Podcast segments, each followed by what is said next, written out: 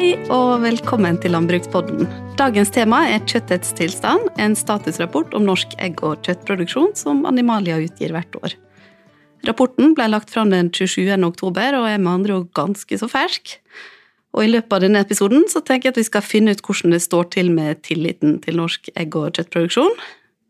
Om det er noen endringer i forbruket, og hva områder som er viktige for forbrukerne nå.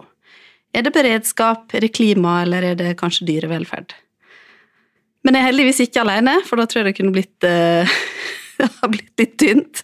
Så jeg har fått med meg Ola Nafstad, som er da fagdirektør i Animalia og har full kontroll på dette. Velkommen, Ole. Takk skal du ha. Det begynner jo å bli litt tradisjon. Sa det til deg da jeg møtte deg i heisa at jeg så det ja, siste. Det er blitt en årlig tradisjon at vi snakker litt om kjøttets tilstand. Ja, ikke sant? Det er veldig greit, det, da. Vi skal, vi skal, grave oss litt ned i rapporten snart. Men jeg tenkte at du skulle få lov til å starte med å si er det, hvis det er én ting du vil trekke frem fra årets rapport som er spesielt interessant, hva ville du valgt da? Hvis vi går til statistikkdelen, så er det jo ett stikkord som, eh, som, preger ikke alle, men flere av statistikkene, og det er at eh, også 21, da, for det er jo stort sett statistikk fra 21 vi presenterer, er et koronaår. Og det slår ut direkte og indirekte på ulike måter, og på måter som henger sammen, hvis man graver og resonnerer litt. Ja. ja. Da får vi komme litt nærmere inn på det, tenker jeg, etterpå. Men eh, hvis vi snakker om kjøttforbrukere, det er jo gjerne det temaet som blir plukka opp litt i media, og som eh, veldig mange er opptatt av, som kommer i denne rapporten her. Hvordan ligger det an? Spiser vi like mye egg og kjøtt som vi har gjort før, eller ser dere en endring? Vi ser en endring i 2021, og det har, så langt vi kan forstå, nettopp sammenheng med korona. At uh, 2021 var et år der for det første, grensehandelen, som i 2020, så var den minimal. Ferievanene våre var delvis i hvert fall prega av korona. Eh, og muligheten til å spise ute var delvis preget av korona. Behovet for å kose seg hjemme var kanskje litt større. Så kjøttforbruket er høyere enn på mange år. Nesten rekordhøyt. Eh, og det mener vi forklares av korona. Sånn om lag 6% økning. Og det er en liten økning på alle kjøttslag, altså hvitt og rødt og fjørfe, drøvtyggere, gris. Um, men vil dette vare, tenker du? Altså er, det, er, det, sånn at vi vil se en stigning i kjøttforbruket framover, eller er det, er det koronaeffekten som slår inn her? Vi tror det er koronaeffekten. Den langsiktige, eller mellomlangsiktige trenden, om lag siden nå, er jo en stabilisering til, svag, til et svakt fallende kjøttforbruk per person. Og så er dette brutt da i 2021. Eh, kanskje var det også bildet litt eh, slik i 2020.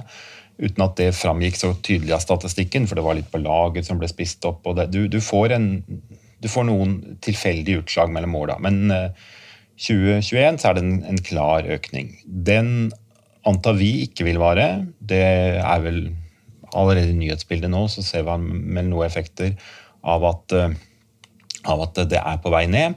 Og det norske kjøttsalget innenlands er jo definitivt på vei ned, fordi grensehandelen eh, er tilbake. Ja. ja.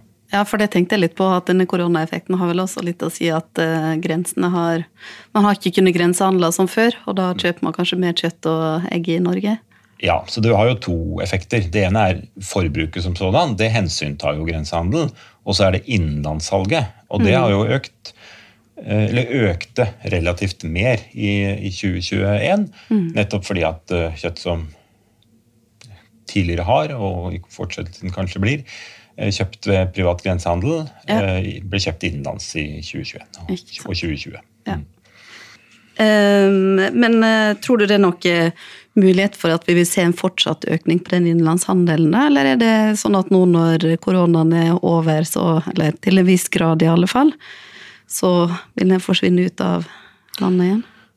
Ja, en ting er jo at koronaen er over, men 2022 eh, blir jo også et unntaksår, men mm. på en helt annen måte. Hvor eh, ja, krigen i Europa mm. Og alle direkte og indirekte virkninger av den eh, endrer vår privatøkonomi ganske dramatisk for noen. Og det er klart det vil også slå ut i hvordan vi forbruker generelt. Ja, Og det inkluderer også kjøtt. ikke sant. Men eh, hva type kjøtt er det vi spiser? da? Har dere tall på det? Er det det samme, eller har det endra seg, hvis vi sier f.eks. de siste 20 åra? De siste 20 åra er det jo primært én ting som har endra seg, og det er at konsum av fjørfekjøtt har økt. For ja, 20, drøyt 20 år siden så var konsumet av fjørfekjøtt eh, i Norge fortsatt lavt, sammenligna med hva som var trenden ellers i den vestlige verden. Eh, Og det har vi Der har vi nesten tatt igjen eh, Ja. mye av resten av verden de, de siste 20 åra. Så hvis en ser de store linjene på det, så er eh, forbruket av eh, sau og lammekjøtt er omtrent det samme per person som de har vært i 100 år, kanskje enda lenger. Forbruket av storfekjøtt økte noe etter krigen, men ikke så veldig mye. Har vært tilnærma stabilt etterpå. Svak økning. Eh, Forbruket av svinekjøtt økte ganske mye på 50-, 60-, 70-tallet, og har fortsatt å øke litt. Og så kom økningen i eh, fjørfekjøtt etter hvert. Og så har det en motpost som det aldri snakkes om, og det er jo at forbruket av mjølk, meieriprodukter, meieriproteiner fra de, har falt like mye i samme periode. Eh, Sånn at inntaket av animalsk mat, målt som protein, er tilnærma stabilt siden annen verdenskrig. Eller siden 1950 til i dag. Ja. ja, det er jo veldig interessant. Det har en, det har en motpost også, Ja, ikke som ikke, ikke kommer fram i debatten. Ja. Altså, det har gått opp på kjøtt og ned på melkeprodukter, rett og slett. Ja. Og om regner man om til protein, så er det er kurven ganske flat. Ja. Hm. ja, det er veldig interessant. Men hva med tilliten da til eh, norsk eh, egg- og kjøttproduksjon? Ser den bra ut? Eh, Den kunne vært høyere, men den er høy. Eh, Og den har vært eh, stigende fra 2020 til 2021. Eh, Og også det er kanskje en indirekte en koronaeffekt. At vi er blitt mer opptatt av å ha en nasjonal matproduksjon, Ja. og har tillit til den. Mm. Ikke sant? Og det vil jo kanskje bli ytterligere forsterka nå som vi plutselig har en krig i Europa? Ja, nå er det sånn med disse tillitsmålene at det meste av tall i kjøttets tilstand er fra året før. Men akkurat tillitsmålet, eh, det gjør vi samme år, på Ja. forsommeren samme år. Så det er, det er litt eh, ferskere. og så Det fanger vi kanskje delvis opp, men det er jo grunn til å tro at det er en trend som vil forsterke seg. Og ikke minst så ser vi det på forventningen eh, til norsk matsikkerhet, eller spørsmålet mener du at norsk egg- egg, kjøttproduksjon, norsk matproduksjon bør økes, holdes stabilt, eventuelt eh, reduseres. Og der er det ganske markerte endringer i retning at den bør økes. Ja. ja. Ikke bare bevare engang, men at det rett og slett skal det, økes. og det må vi jo se som en effekt, på den usikre, en effekt av den usikre situasjonen verden er i. Ja. Vi har jo fått, eh, på akkurat når det kommer til tilliten, da, så har, det jo, har jo vi fått noen slag for Bergen eh, opp gjennom, blant annet gjennom den griseindustriens eh, hemmeligheter. Det begynner jo å, ha gått ei lita stund. Så jeg er litt sånn nysgjerrig på om ser man noe effekt på salget av svinekjøtt? Et, før og etter den, altså har den hatt noe påvirkning? Det har jo ikke vi veldig eh, tall på. Altså I den grad det er en kortsiktig nedgang umiddelbart etter sånne hendelser, så er jo ikke det et tall som vi speiler i kjøttets tilstand. Men vi måler jo tillit eh, på et tidspunkt som litt tilfeldig da, har falt sammen med, med dette økte fokuset på dyrevelferd i, eh, og negativt fokus på dyrevelferd både i 2019 og 2021. Eh, Og det gjør jo et utslag, eh, et umiddelbart utslag, og det skal ikke landbruket undervurdere eller kimse av på noen som helst måte. Og så kan, så kompenseres nok det tilnærma ganske fort igjen. Men det er klart, gjentatte hendelser kombinert med økt oppmerksomhet og økt forventning til dyrevelferd, det går på landbrukets eh, tillitskapital, og det må landbruket ha en strategi for å møte. For å, bevare den tilliten og helst øke den. Ja, ja det er helt klart. Eh, Men eh, folk vil ha bonden, og de vil at vi skal øke produksjonen, da. I eh, mål til 2022, forsommeren 2022, så er, er det definitivt bildet, ja. Mm. Men dyrevelferd er fortsatt viktig for folk, da? Dyrevelferd er viktig, og vil sannsynligvis bli viktigere. Mm. Og så så jeg, jeg har jo bladd med gjennom Kjettes tilstand, men jeg har ikke lest alt i detalj, for jeg er så heldig at jeg får det her, så jeg kan få det rett fra kilden. Men jeg så at du også har skrevet om dette med utegang, og, og dyr, hvor mye dyra skal få gå ute. Det er jo et tema som har vært veldig aktuelt og diskutert mye rundt dette med dyrevelferden. Kan ikke du si litt om hva som står i den artikkelen? Ja, altså det spørsmålet om det er, jo, det er, jo, de dyra som i dag er inne. Vi mm. diskuterer altså fjørfe og svin. Eh, hvor det har kommet opp, bl.a. i oppspillet til eh, stortingsmeldinga, altså bestillinga fra Stortinget eh, til, til regjeringa om en dyrevelferdsmelding, at eh, svin primært er fokusert der, men spørsmålet gjelder begge produksjoner, skal ut. Og det har vi prøvd å nyansere som et Eh, et bidrag i den debatten. Eh, utegang for voksne dyr i sommerhalvåret er jo definitivt et bidrag til at de kan få oppfylt en del atferdsbehov, f.eks. Eh, søken etter mat. Mm. Muligheten til å løse konflikter fordi de har bedre plass. Og en del annet veldig, motiver, veldig mot høyt motiverte atferder, som f.eks. støvbad for fjørfe. Ja. Det er jo behov som kan møtes inne også. Eh, mm. men som ikke alltid møter like godt. Men de kan møtes inne også. Men så har det en del motposter, også på dyrevelferd. Eh, det mest åpenbare er jo for spegris. Hvis man driver heldrift ute med gris, så er spedgristapet ja, omtrent dobbelt så høyt som i normal, norsk normalproduksjon. Eh, Tap til rovdyr er jo en del av det. Men også andre ting. altså At de har behov for et, et varmere, tørrere miljø, bedre beskyttelse enn det utedrift i hytter kan gi dem. Mm, så det blir eh, mer stabilt da når det er inne? Mer, mer stabilt, mindre varmetap, ja. uh, mulighet for et annet uh, tilsyn og en annen oppfølging og beskyttelse av enkeltindividet mm. enn det du kan uh, tilby ute. Rovdyrtap er også en problemstilling ute for fjørfe. altså Tap til rovfugl, eventuelt rev hvis det ikke er, er tett. Ehm, så Det er én side av dyrevelferden. Og så er det helse og mattrygghet. Og helse er jo definitivt også en del av dyrevelferden. Og da er det jo de alvorlige smittsomme sykdommene vi særlig tenker på. Og det ser vi jo i dagens situasjon. at fauna, I norsk fauna er det nå i større grad enn noen gang før alvorlige smittsomme fjørfesykdommer, altså Newcastles mm. sykdom, som primært har vært knytta til duer og har smitta én kommersiell besetning. Mm. Eh, og fugleinfluensa, som begynte rett etter fjorårets kjøtttilstand.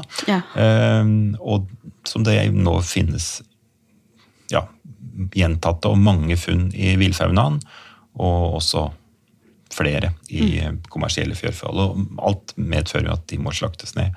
Det opprettes soner, og man setter, bruker mye av samfunnets, eh, samfunnsressurser på å beskytte mot spredning. Og det er jo når det er inne, sånn som det er nå? Ja, altså er, Vi har bedre biosikkerhet inne og mulighet for å øke den. Eh, hvordan situasjonen hadde vært hvis vi hadde hatt et eh, omfattende utendørs eh, fjørfehold, det kan vi jo ikke si noe absolutt om, men vi ser jo noe av det i land som har et større utendørs fjørfehold. Og det er jo ikke bare vi som har dette her. altså Vi har på en måte bare en liten smak av hva resten av Europa opplever av fugleinfluensa. Ja.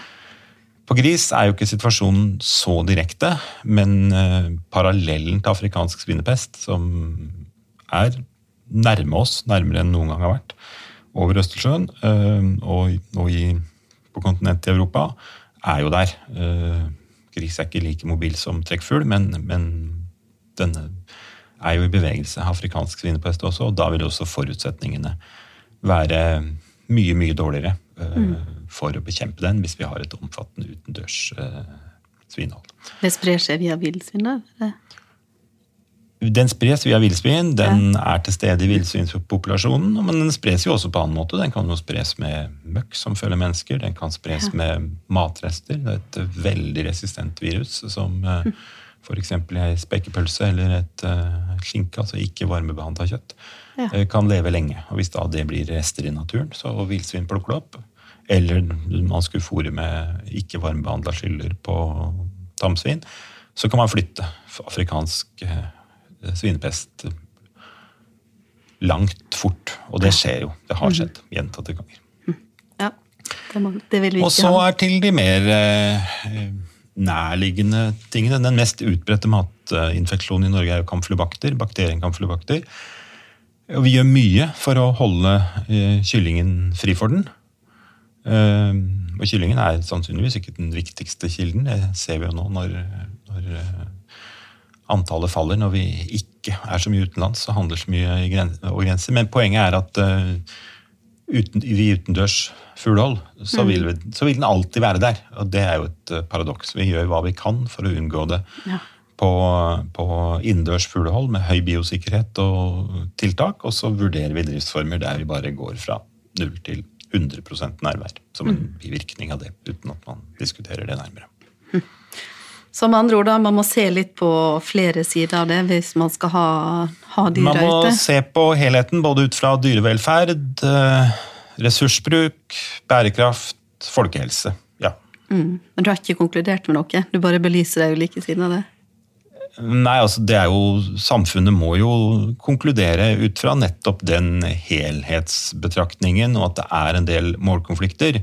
Men vi er vel for vår del veldig klare i vårt råd, uten å si det helt direkte, at det å gi dyra et bedre miljø innendørs er en mye mer bærekraftig variant, og en eh, totalt sett også bedre for dyrevelferden enn en eh, omfattende satsing på dyre, utendørs dyrehold, eh, eller utendørshold av svin og fjørfe.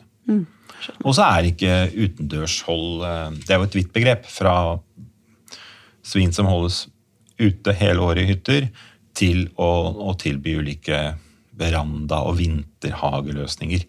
Eh, det er jo mye enklere å få til, og, og samtidig ivareta biosikkerheten i hvert fall en bit på vei.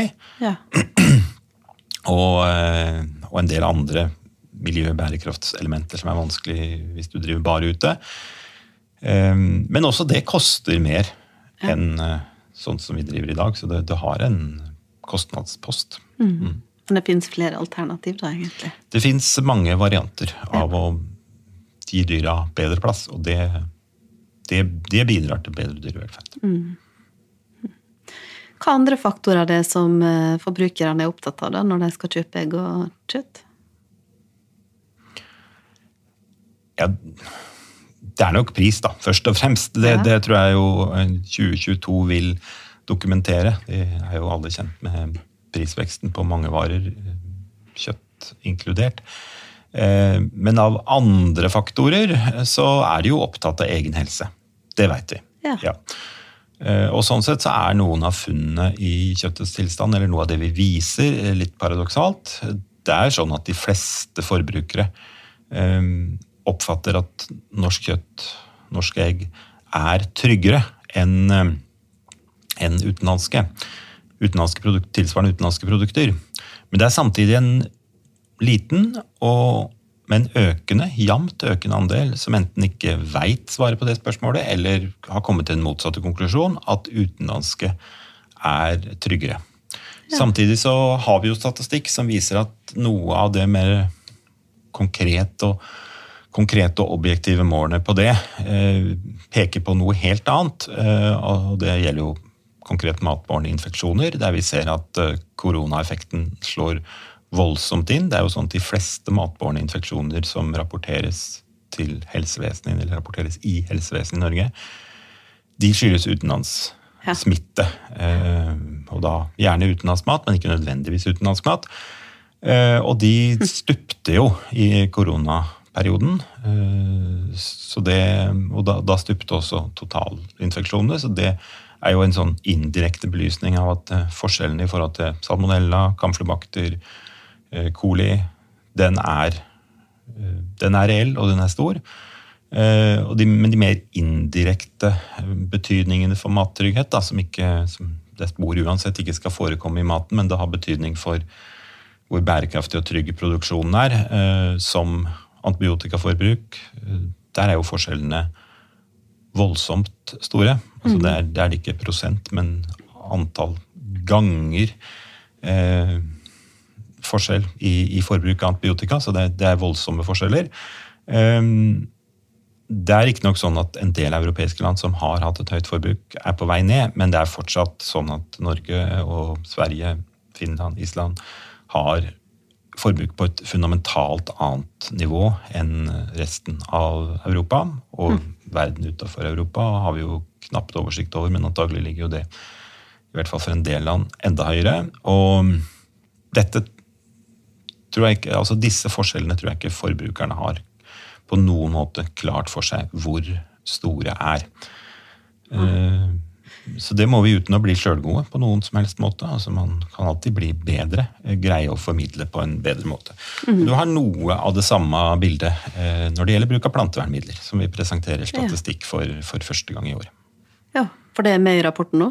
Det er for første gang med i rapporten. Ja. Og det har litt mer indirekte betydning, men som en ny miljøindikator vi lanserer, så har vi også med statistikk av det. Det er ikke så store forskjeller, men det er flere ganger Altså de, de, de um, europeiske landene som bruker mest plantevernmidler, bruker sju-åtte ganger mer per dekar eller hektar enn vi gjør her i landet. Og så er det en litt uh, primitiv måte å måle på, men, men, den er i hvert fall lik for alle land.